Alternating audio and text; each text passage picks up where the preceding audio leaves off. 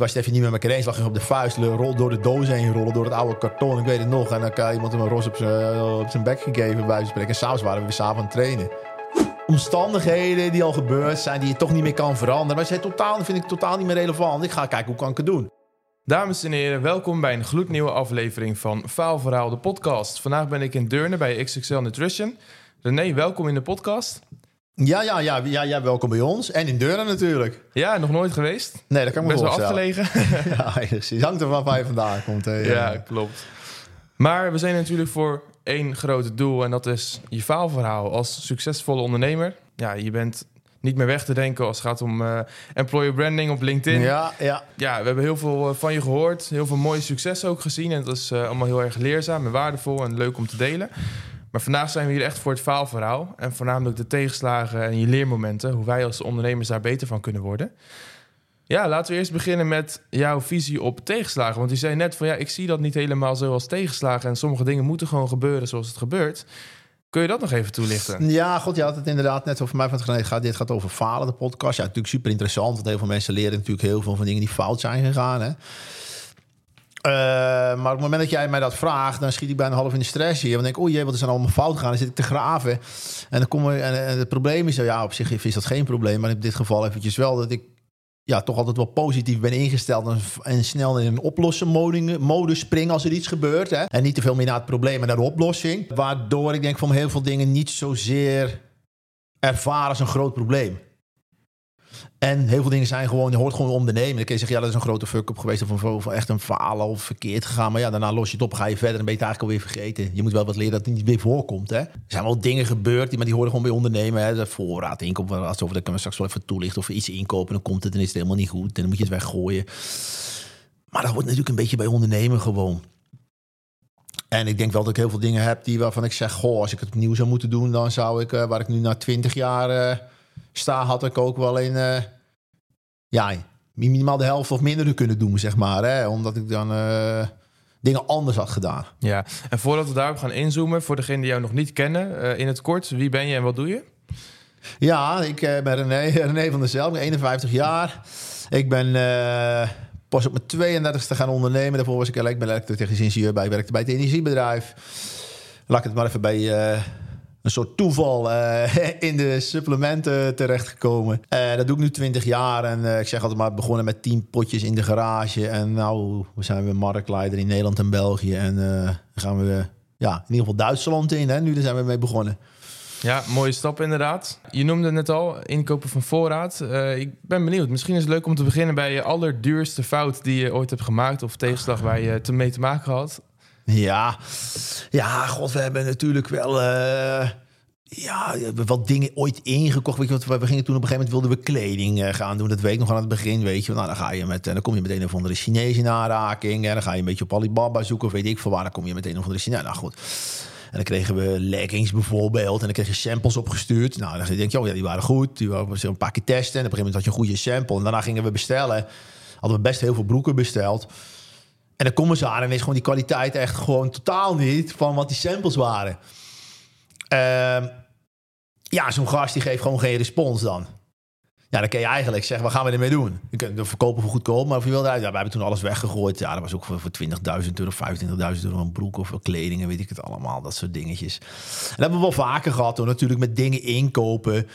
Dat... Uh, dan vaak waren dat wel van dat shakebakers en dat soort dingen... dat de kwaliteit gewoon niet was. Waar, hoe goed de samples waren. En dat hadden we helemaal niet geborgd. En dat was wel, daar hebben we toch wel best wel vaak problemen mee gehad, zeg maar. Ja, want dat lijkt me best wel lastig. Ik zit zelf in de dienstverlening, dus wij hebben niet te maken met fysieke producten. Ik denk dat er best wel een, uh, een uitdaging zit in de wereld van fysieke producten, voornamelijk in kleding en supplementen.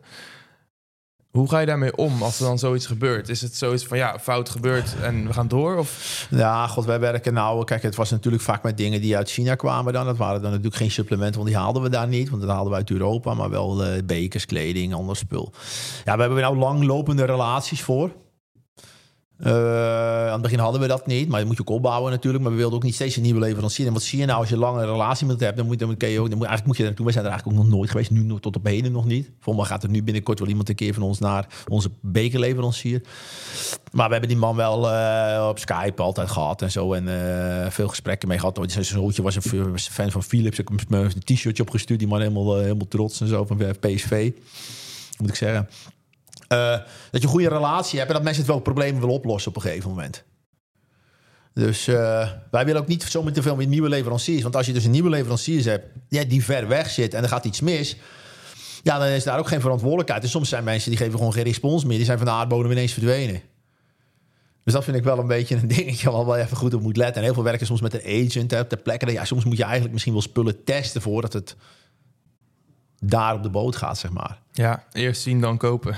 ja, soms hebben agents, hè, die heb je dan bijvoorbeeld daar zitten en die bekijken die producten. Maar het moet ook wel goed gebeuren natuurlijk, voordat zij er überhaupt verschepen worden en voordat jij dan even de geld overmaakt. Ja, absoluut. Ja. Hey, en René, je start klein vanuit je garage met 10 potten. Maar vervolgens groeit het uit naar een steeds groter personeelsbestand. Um, voor zover ik weet heb je daarvoor nog geen ervaring gehad met het managen van personeel. Wat voor uitdagingen kwamen daarbij uh, kijken? Hoe ging je daarmee om in het begin? Ja, kijk, ik heb wel wat ervaringen vanuit uh, Cent waar ik gewerkt heb. Hè. Daar had ik een afdeling. Op een gegeven moment moest ik runnen, was ik waarnemend hoofd. Was dat dan wel 150 mensen ongeveer. Uh, maar god, uiteindelijk moest, je nog, moest ik natuurlijk heel veel leren. Ja, het probleem was een beetje aan het begin uh, dat ik eigenlijk van nature ben ik een harde werker. Dus als het drukker is, ga ik harder werken. Dus uh, werd meer pakketten s morgens. En we, we, kregen steeds, als het druk werd, kwam er af en toe wel iemand bij. Maar we hadden totaal geen structuur. Iedereen die erbij kwam was een medewerker. Je kwam er gewoon bij, bij druk, want het natuurlijk met inpakken en wat mailtjes dan komt er iemand bij. En wat doet hij? Die ging gewoon hetzelfde doen als wij deden. We gingen s morgens met z'n allen inpakken. Nou, dan kwamen wat spullen binnen, ging iemand dat wegzetten bijvoorbeeld. En dan later ging iemand wat uh, spullen moesten besteld worden, dat deed dan iemand. En een ander ging bijvoorbeeld uh, klantenservice doen. Uh, dus eigenlijk was er geen structuur. Het probleem was, omdat ik altijd zo hard aan het werk was, stond er altijd wel druk, veel druk op de keten. Het was altijd druk. Uh, ja, heb je eigenlijk ook geen geduld. Dus als je dan iemand tegen je al, je, je regelt altijd kort af uh, dingen. Dat, was allemaal, die communicatie was gewoon echt slecht. ja, we hebben zelfs vechtpartijen gehad, hè, gewoon met gasten gewoon. Dan had je was even niet met elkaar eens, lag je op de vuist, rol door de doos heen rollen, door het oude karton. Ik weet het nog. En dan had iemand hem een ros op zijn, zijn bek gegeven bij spreken. En s'avonds waren we weer s'avonds aan het trainen. En dan, Ging er hard naartoe. Ja, hè, dat waren leuke tijden waren dan. Als ik nou terug dat is nu wel anders, denk ik. Ja, uh, nee, netjes een bureautje. Ja, en, ja. Uh... ja, maar zo is dat uh, wel gegaan. En ja, naarmate je groeit, ga je natuurlijk anders tegen dingen aankijken. En ik had het veel te druk, veel te, veel te lang veel zelf gedaan. Hmm. Want dat, dat is denk ik de grootste failure geweest, denk ik nog wel. Dat ik gewoon te lang alles zelf heb willen doen. Um, ja, willen, willen doen, willen. Ik deed dat. En ik dacht dat anderen het ook niet konden. Ik zat overal bovenop. Wat gebeurde er wat? Zag ik wat gebeuren? En, en dan zat ik er vijf minuten naar te kijken. Niemand deed wat, dan deed ik het. Hmm. Maar iedereen wist dat ook. Daarom werden die mensen die er zitten, die werden steeds, ja, luier. Maar ze deden wel een werk, want ze gingen wel inpakken en dat soort dingen. Maar initiatief tonen, dat ging eruit. Omdat, ja, nee doet het wel. En later kwam ik er eigenlijk achter dat het gewoon mijn eigen schuld was eigenlijk. Dat ik dat die mensen zo gemaakt, dat ik, ik vergelijk het wel eens met van je woont saai. Ik, ik woon met mijn vrouw natuurlijk. En bij ons is het zo dat mijn vrouw die stofzuigt altijd. Nou, ik zal nog niet één seconde in mijn hoofd halen om überhaupt die stofzuiger te pakken. Ik denk er nog geen eens aan, omdat ik weet dat zij dat altijd doet. En zij denkt waarschijnlijk dat ik het niet goed doe. Hè, die, die doet het niet. Dan heb ik het ooit natuurlijk expres fout gedaan. Hè? Een beetje slechte stofzuiger. Zo dat zij dat die jongen doet, ik doe het zelf wel. Weet je wel. Nee, maar ik wil ermee zeggen, het is een heel uh, plat voorbeeld. En ik denk heel veel, mensen, heel veel mensen wel bekend. iemand doet de vaste klusjes in huis. Ander denkt er nog niet eens aan. Dat was daar ook. Hun dachten allemaal, René doet het. René stofzuigt wel. Dat ging niet over stofzuigen natuurlijk, maar over andere dingen. Dat ging overal op. Uh, dus op een gegeven moment toen uh, wel een omslag geweest dat mensen meer dingen zijn gaan doen, zeg maar, meer uh, taken verdelen. Dit, dat. En zeg ja, natuurlijk doe je dat, maar zo was het voor ons was het helemaal niet natuurlijk in die, in die tijd, want er was helemaal geen, er was gewoon geen structuur. Maar was het ook, kwam dat ook vanuit of bijvoorbeeld, uh, hè, XXL Nutrition is, is jouw kindje als het ware, het bedrijf waar je hard voor werkt. Dus je denkt van, ik wil alles goed doen. Of kwam het van, ja, ik durf het eigenlijk niet echt uit te besteden. Uh, dus nee, dat vind ik lastig. daar heb ik niet eens aan gedaan. Ja, weet ik niet. Het moest gewoon gedaan worden. En dan gebeurde niet, ging ik het doen. Ik was van nature een harde werk. Als het druk is, ging ik harder lopen. Tot ik op zo hard liep. Dat ik natuurlijk constant de spanning op de boog had. Eh, druk. Eh, als er dan wat gebeurt, dan reageer je natuurlijk gewoon nog kort af en nog fel en agressief misschien zelfs wel. Hè? Dan klapt het er ook uit. Het begint meteen scheldpartijen waren dat. Ik weet nog wel aan het begin dat wij daar zaten eh, in zo'n kleine, was zo'n hokje zoals dit, zaten we met een man of acht of negen of tien in. En dan begon ik eh, en dan zag iedereen achter zijn monitor zo wegzakken. Zo, "Juut." Die waren wij. Die denken, oh, die gaan we weer. Ja, ja, ja. Waar ik ook wel benieuwd naar ben is... Ja, zoals jij natuurlijk ongetwijfeld weet... de nutrition-markt is best wel eh, ja, verzadigd aan het worden. Er zijn best wel veel aanbieders erbij aan te komen. Er is best wel een eh, hevige concurrentie. Tenminste, vanaf, vanaf de buitenwereld lijkt dat zo. ja. Wat voor uitdagingen zie je daarin? Kijk, ik heb heel lang... Wij hebben altijd de basis van ons bestaan... Van dat ik ooit ik was natuurlijk het goede product. We goede producten wilden maken, hebben we altijd gehad. En ik dacht altijd, een goed product verkoopt zichzelf. Maar daar zat ik fout. Eh waren concurrenten van ons die slecht product hadden. Eh, dat is later ook een beetje naar buiten gekomen, zeg maar. Maar wel goede marketing. En die verkochten meer dan ons. Toen althans. Hè, later hebben we ze wel ingehaald. Maar ehm, ik heb veel te lang daarop geloofd dat je mee voor weinig marketing nodig hebt. Dat had ik veel eerder moeten doen. Ja, ik denk dat we daar wel... eh, als we dat veel eerder aangezet hadden, wat ik echt wel veel... Ja, had ik echt wel vijf jaar kunnen winnen al eerder, zeg maar. Met groeien en zo. Ja, Het is allemaal heel organisch nou gegaan, maar ook wel heel erg een beetje kruidenierachtig, zeg maar. Beetje, een beetje heel rustig aan. Had, had, dat had veel beter gekund. ja, absoluut. Maar ik ken jou natuurlijk als een vrij energiek persoon. Zo kom je ook over op, eh, op, eh, op de wereld eigenlijk online. Ehm, maar hoe is dat voor je mentale gezondheid als je continu bezig bent met de concurrentie? Of is dat überhaupt wel het geval dat je denkt van... nee, die gaat harder, die doet dit beter? Nee, Of... oh, nee, wij zijn helemaal niet bezig met concurrentie en ik ook niet. Eigenlijk nooit geweest. En wat is de secret daarvoor? Hoe kunnen we daar... eh, Ja, dat weet ik niet. Maar ik heb altijd gewoon... Ja, come on, kijk, ik zeg altijd... Je, moet je, je hebt een eigen visie. En daar handel je op. Daar ben je gewoon mee bezig. Hè? Dus als stappen die je neemt... Je hebt een stip op de horizon en stappen die je neemt... zijn in ieder geval enigszins in de richting van die stip. En, en je kijkt uit je ooghoeken naar je concurrenten. Wat doen die? Maar niet obsessief. En je gaat er ook niet te veel naar handen. Maar je kijkt natuurlijk wel, wat gebeurt er? Misschien hebben we iets. Misschien met prijzing in de gaten houden. Misschien moet je kijken dat er nieuwe producten zijn. Misschien hebben ze iets, iets leuks bedacht ineens. Waarvan je denkt, hé, dat is best handig. Of je moet een beetje weten wat ze doen. Maar niet te veel op letten. Gewoon je eigen koers varen. Dat hebben wij altijd gedaan. Eh, uiteindelijk kwam het op het punt dat mensen naar ons gingen kijken.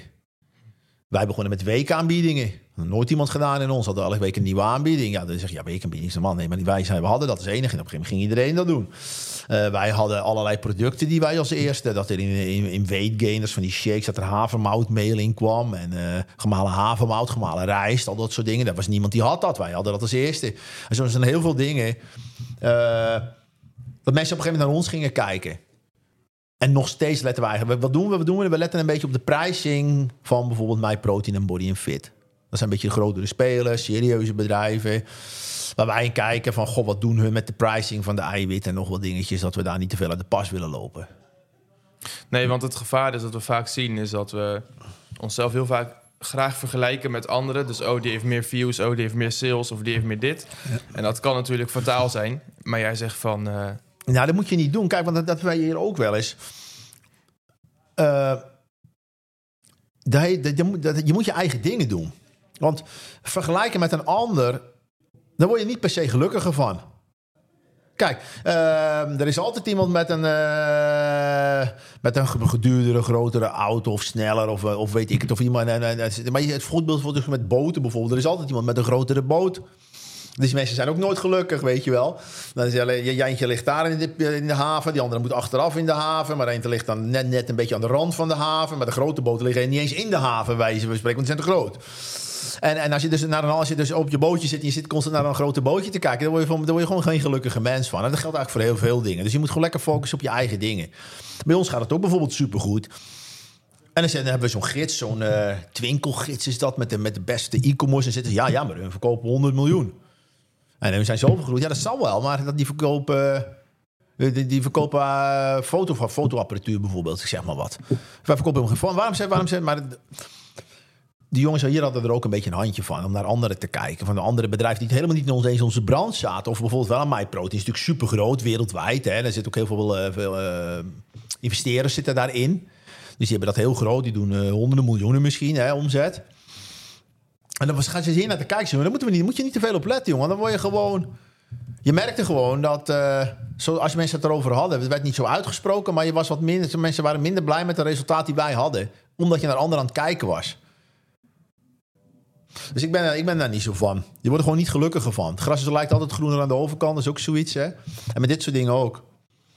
Ja, absoluut. Maar dat geldt privé ook natuurlijk. Precies hetzelfde eigenlijk. Hè? Dat is niet alleen uh, blij, ja, Nee, 100%. Ik hoor je net ook investeerders zeggen. Hoe zit dat bij uh, XXL? Is het allemaal bootstrapped of uh, is er ook kapitaal van buitenaf? Uh... Nee, het is allemaal eigen.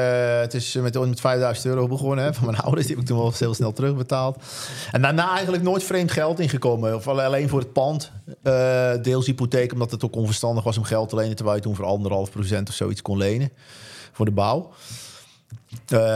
dus een deel van het pand hebben we gefinancierd. Maar de rest niks.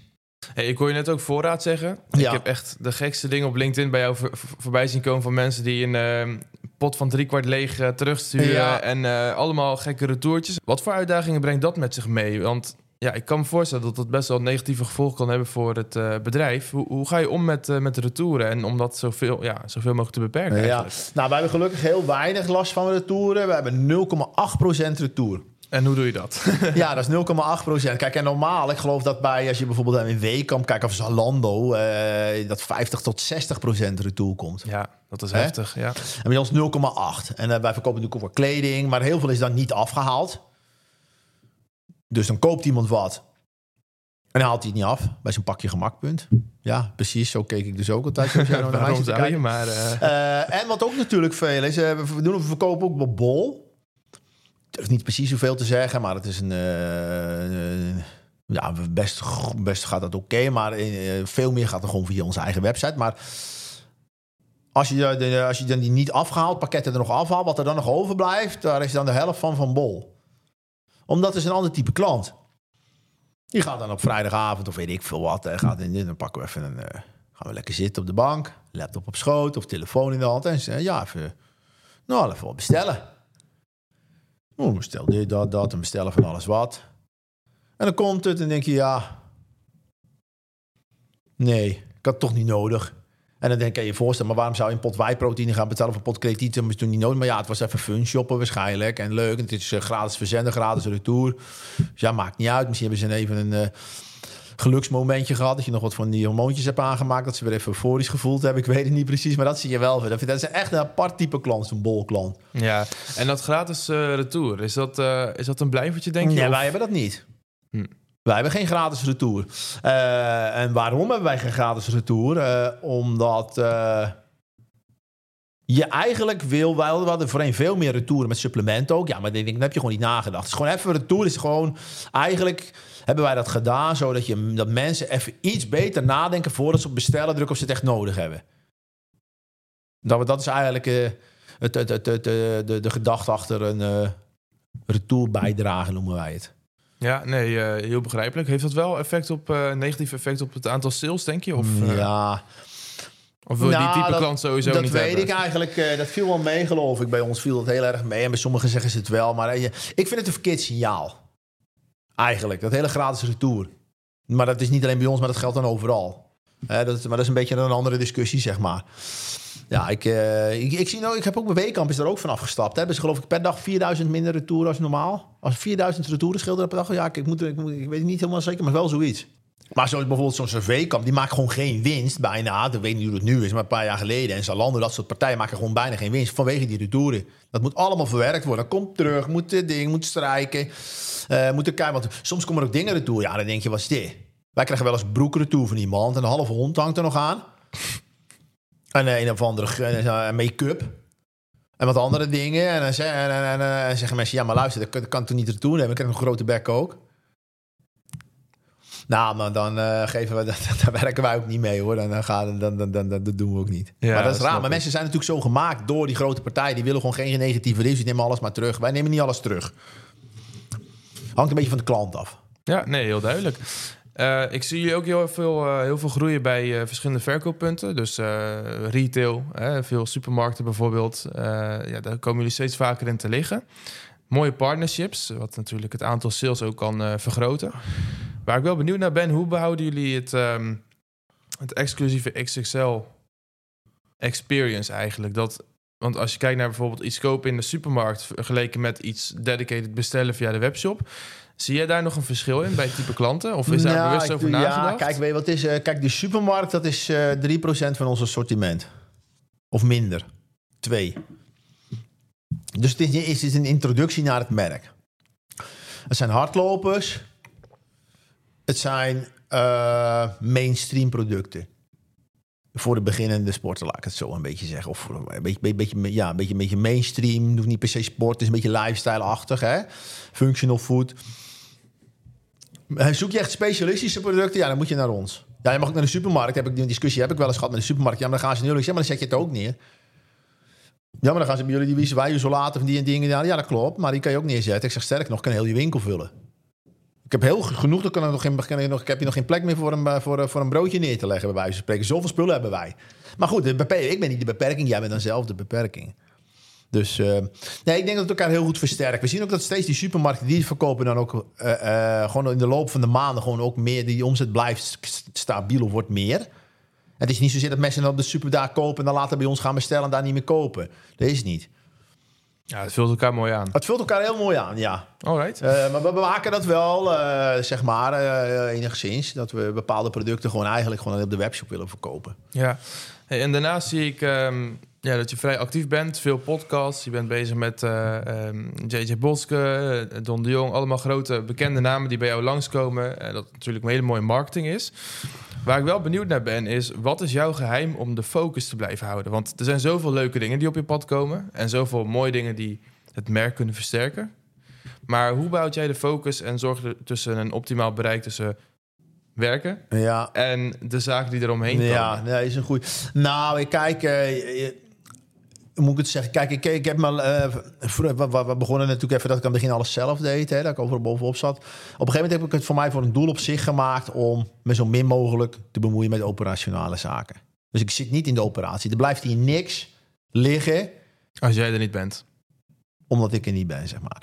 Dus eh, er blijft niks hangen. En dat was voor mij een doel op zich. En waarom? Omdat, eh, ja, als je geld verdient is allemaal leuk, maar uiteindelijk wil je ook vrijheid en dingen. En daarbij zag ik dat ik deed een stapje terug en de andere mensen gingen groeien in dat gat wat ik liet vallen, laat ik het zo maar zeggen. Hè? Dus, dus dat was ook mooi. Ehm, dus ik ben niet meer betrokken in de operatie. Het is nu zelfs zo, eh, ik hou me voornamelijk bezig met de mensen hier. En de mensen met werk. Dus als ik iets morgens kom, moet ik eigenlijk gaan kijken wat ga ik doen. Dat is eigenlijk wat het is. Nu. Eh, en heb, ik, heb al, ik heb genoeg te doen, maar ik kan het wel zelf bepalen. Dus niet iets wat ik moet doen of zo. Hè? Of wat blijft liggen, wat aan mij hangt. Eh, ja, god, en dan moet je selectief zijn. Kijk, het is, eh, dat, eh, ik denk dat ik per dag zeker vijf tot tien verzoeken krijg van koffie, er even koffie drinken of kijken of we iets elkaar kunnen betekenen. Nou, daar begin ik sowieso niet meer aan. Heb ik een hele mooie standaard antwoord voor, die kan ik zo plakken en knippen. Hè? Van, ik weet niet precies wat ik antwoord, maar dat het allemaal, dat, dat, ja, ik krijg zoveel verzoeken dat, het, dat ik alleen nog maar een afspraak er een concrete behoefte vanuit ons is. En dat het geen desinteresse is, maar dat het noodgedwongen is.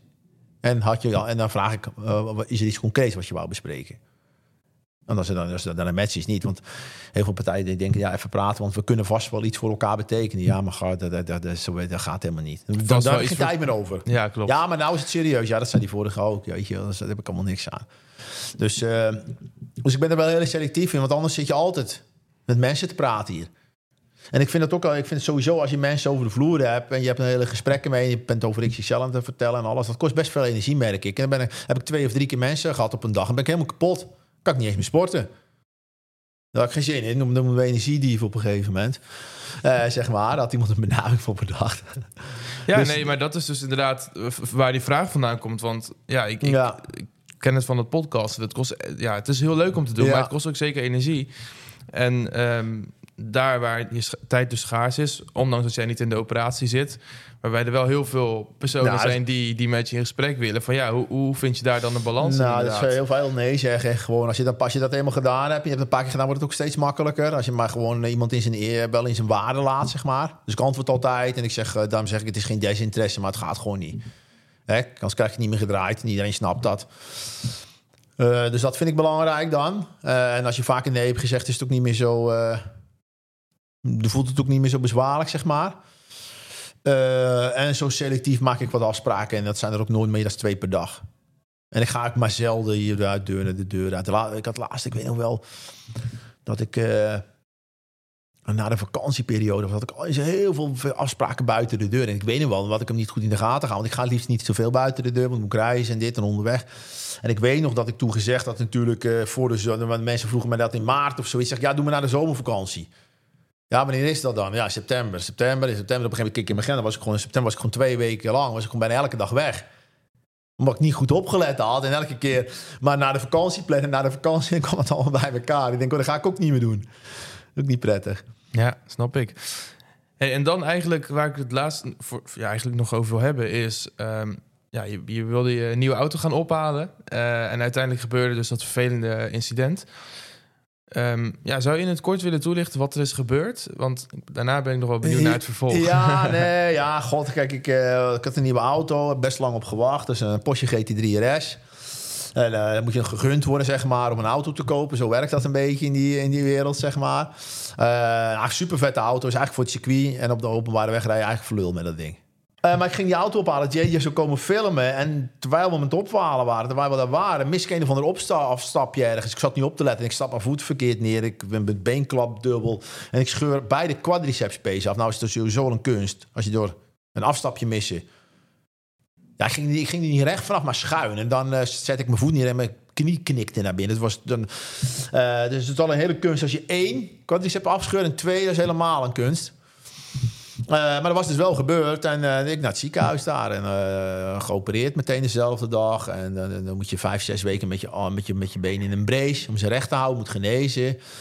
Nou, nou ben ik in een week of negen is het geleden. En nou, ja, dan moet je weer... Dus jij moet echt revalideren. Ja, dat klinkt dat je revalideert en dat je van staat. Maar het is wel, hoe is het echt? Het is niet dat je gewoon met een gebroken been... dat je gewoon weer gaat lopen en je bent er weer. Het is echt rekken. Elke, daar ben ik dag twee uur mee bezig. Het is ja. geen... Maar goed, ik heb in die tijd thuis, heb ik natuurlijk veel thuis gezeten vijf weken. En dat was wel lekker, omdat ik natuurlijk ook niet meer in de operatie zit. Heb ik ook geen één dag stress gehad van het werk. Dus dat is dan weer een voordeel, hè, van het, uh, dat, dat, dat je er ergens naartoe werkt dat iets zonder jou kan draaien. Anders had ik, als ik zelf wat ik thuis met mijn benen in spalk had gezeten en met de bank en nog met een hoop stress in mijn lijf, omdat ik denk, er gaat hier van alles fout, dan had het, ja, had, dat, dat, dat het allemaal niet zo prettig geweest. Maar het gaat de goede kant op, uh, maar het heeft wel nog wel een tijdje nodig. Maar ik ben er per dag twee uur mee bezig, zo'n beetje trainen, pielen, rekken, dit, dat. Ja, anders, anders gebeurt er niks. Ja, nee, ja, dat is inderdaad... Um, ja, dat is natuurlijk wel een vervelende tegenslag. Aan de andere kant, wat mijn grootste takeaway is van deze aflevering... is sowieso maak jezelf zo snel mogelijk misbaar binnen het bedrijf. Ik denk dat dat wel uh, een hele goede takeaway is. Um, maar ja, het is natuurlijk een sportbrand. Uh, jij ja. sport ook zelf veel. Je bent ook wel toch nog het gezicht van het bedrijf, als het ware. Uh, veel mensen kennen ik zichzelf via jou. Uh, ja, dan is het toch wel lastig, denk ik, om, om daarmee om te gaan en, en dan thuis te gaan zitten. Of denk je van ja, het, het, hoort erbij. Nee, dat heb ik dus helemaal niet. Maar dan gaan we weer even terug over wat we eerder hadden van René. Wat uh, noem eens wat dingen die verkeerd zijn gegaan. Uh, als iemand nou aan mij vraagt, ja, is er precies gebeurd? Als iemand tegen mij, nou, als ik begin, oh, wat vervelend, wat is er dan precies gebeurd? Ja, daar heb ik helemaal geen zin meer over te praten eigenlijk. Dat is wellicht voor mij achter mij. Ik ben bezig met herstel. Hoe komt dat? Nee, hoe kom je er vanaf? Hoe dat komt, is helemaal niet relevant. Ja, op een gegeven moment wil het niet dat het nog weer gaat voorkomen in de toekomst, hè, in die zin. Maar mensen willen altijd heel graag praten over uh, omstandigheden die al gebeurd zijn, die je toch niet meer kan veranderen. Maar ze totaal, vind ik totaal niet meer relevant. Ik ga kijken hoe kan ik het doen. Daarom zit ik nou elke dag, ben ik twee, tweeënhalf uur zo'n beetje bezig met allerlei oefeningen te doen, omdat ik in de oplossingenmodus zit. Ik ben bezig en ik wil het altijd het gevoel hebben dat ik zelf mijn stuur nog in handen heb. In plaats van dat iets overkomt die kan. En ik kan ook nog op de bank gaan zitten en nu naar huis gaan en even oh, mijn knieën doen. Ik heb last van. Ik was hartstikke stijf, joh. Ik heb geen kracht in mijn benen. Dat snap ik. Uh, maar dan kan ik, zo kan ik dus die houding kan ik aan nemen. Maar ik kan ook zeggen: nee, ik wil het uh, heft in eigen handen gaan nemen. In hoeverre dat natuurlijk kan. Ik ga er zo intensief mee bezig, zodat ik in ieder geval doe wat ik kan doen. En dat heb ik eigenlijk met alles. Ja, dat is echt eigenlijk een winnaarsmindset die elke ondernemer zou moeten hebben. Ja, ik weet niet. Ja, winnaar, ik weet niet. Ik, ik, ik, ik, ik vind gewoon... Als je het idee, als er, als er iets ontstaat wat een probleem is... en je, bent een, je kan zelf een deel van de oplossing zijn... dan voelt het gewoon goed. Dan weet je, ja, dan, dan, dan voelt het gewoon prettig. Dan, heb je, dan overkomt het je niet. Want als er iets over je overkomt... en je kan er niks aan doen... En je, en je wordt, uh, het enige, dat kan je enige wat je daarover kan doen, is je eigen frustreren, zeg maar. Want je, je kan het toch niet veranderen. Het is een omstandigheid. Dus als een enige, escape is via een achterdeurtje om een soort oplossingenmodus te, eh, te vliegen, zeg maar, eh, dan, dan doe ik dat graag. Dan kun je je energie op iets positiefs richten. In plaats van frustreren. En frustratie is het slechte wat er is. Want het is meest energiezuigende wat je kunt hebben, zijn frustraties, zeg maar. En dat heb ik eigenlijk mijn hele leven al. En dat heb ik ook natuurlijk met die tegenslagen bij jou. Daarom heb ik niet van ja, tegenslagen. Ik moet echt uh, bijna, ik denk dat ik bijna in onder hypnose moet om dat naar boven water te gaan. zit in de krochten van mijn brein zitten die verstopt. Omdat ik altijd in de oplossingenmodus ben gesprongen. Ja. Ja, ik denk dat het een hele mooie is om ook uh, deze aflevering mee te beëindigen. Uh, dankjewel voor je openhartigheid, René. En dat we hier mochten zijn. Heel veel succes ook met uh, de rest. En uh, we houden zeker contact. Dankjewel voor je tijd. Ja, graag gedaan. Heb jij als luisteraar genoten van deze aflevering? Vergeet zeker niet om deze podcast te delen met je omgeving. Ons te volgen op social media. En je gratis te abonneren via jouw favoriete streamingdienst. Elke donderdag staat er weer een nieuwe aflevering online. Heel erg bedankt voor het luisteren. En graag tot de volgende.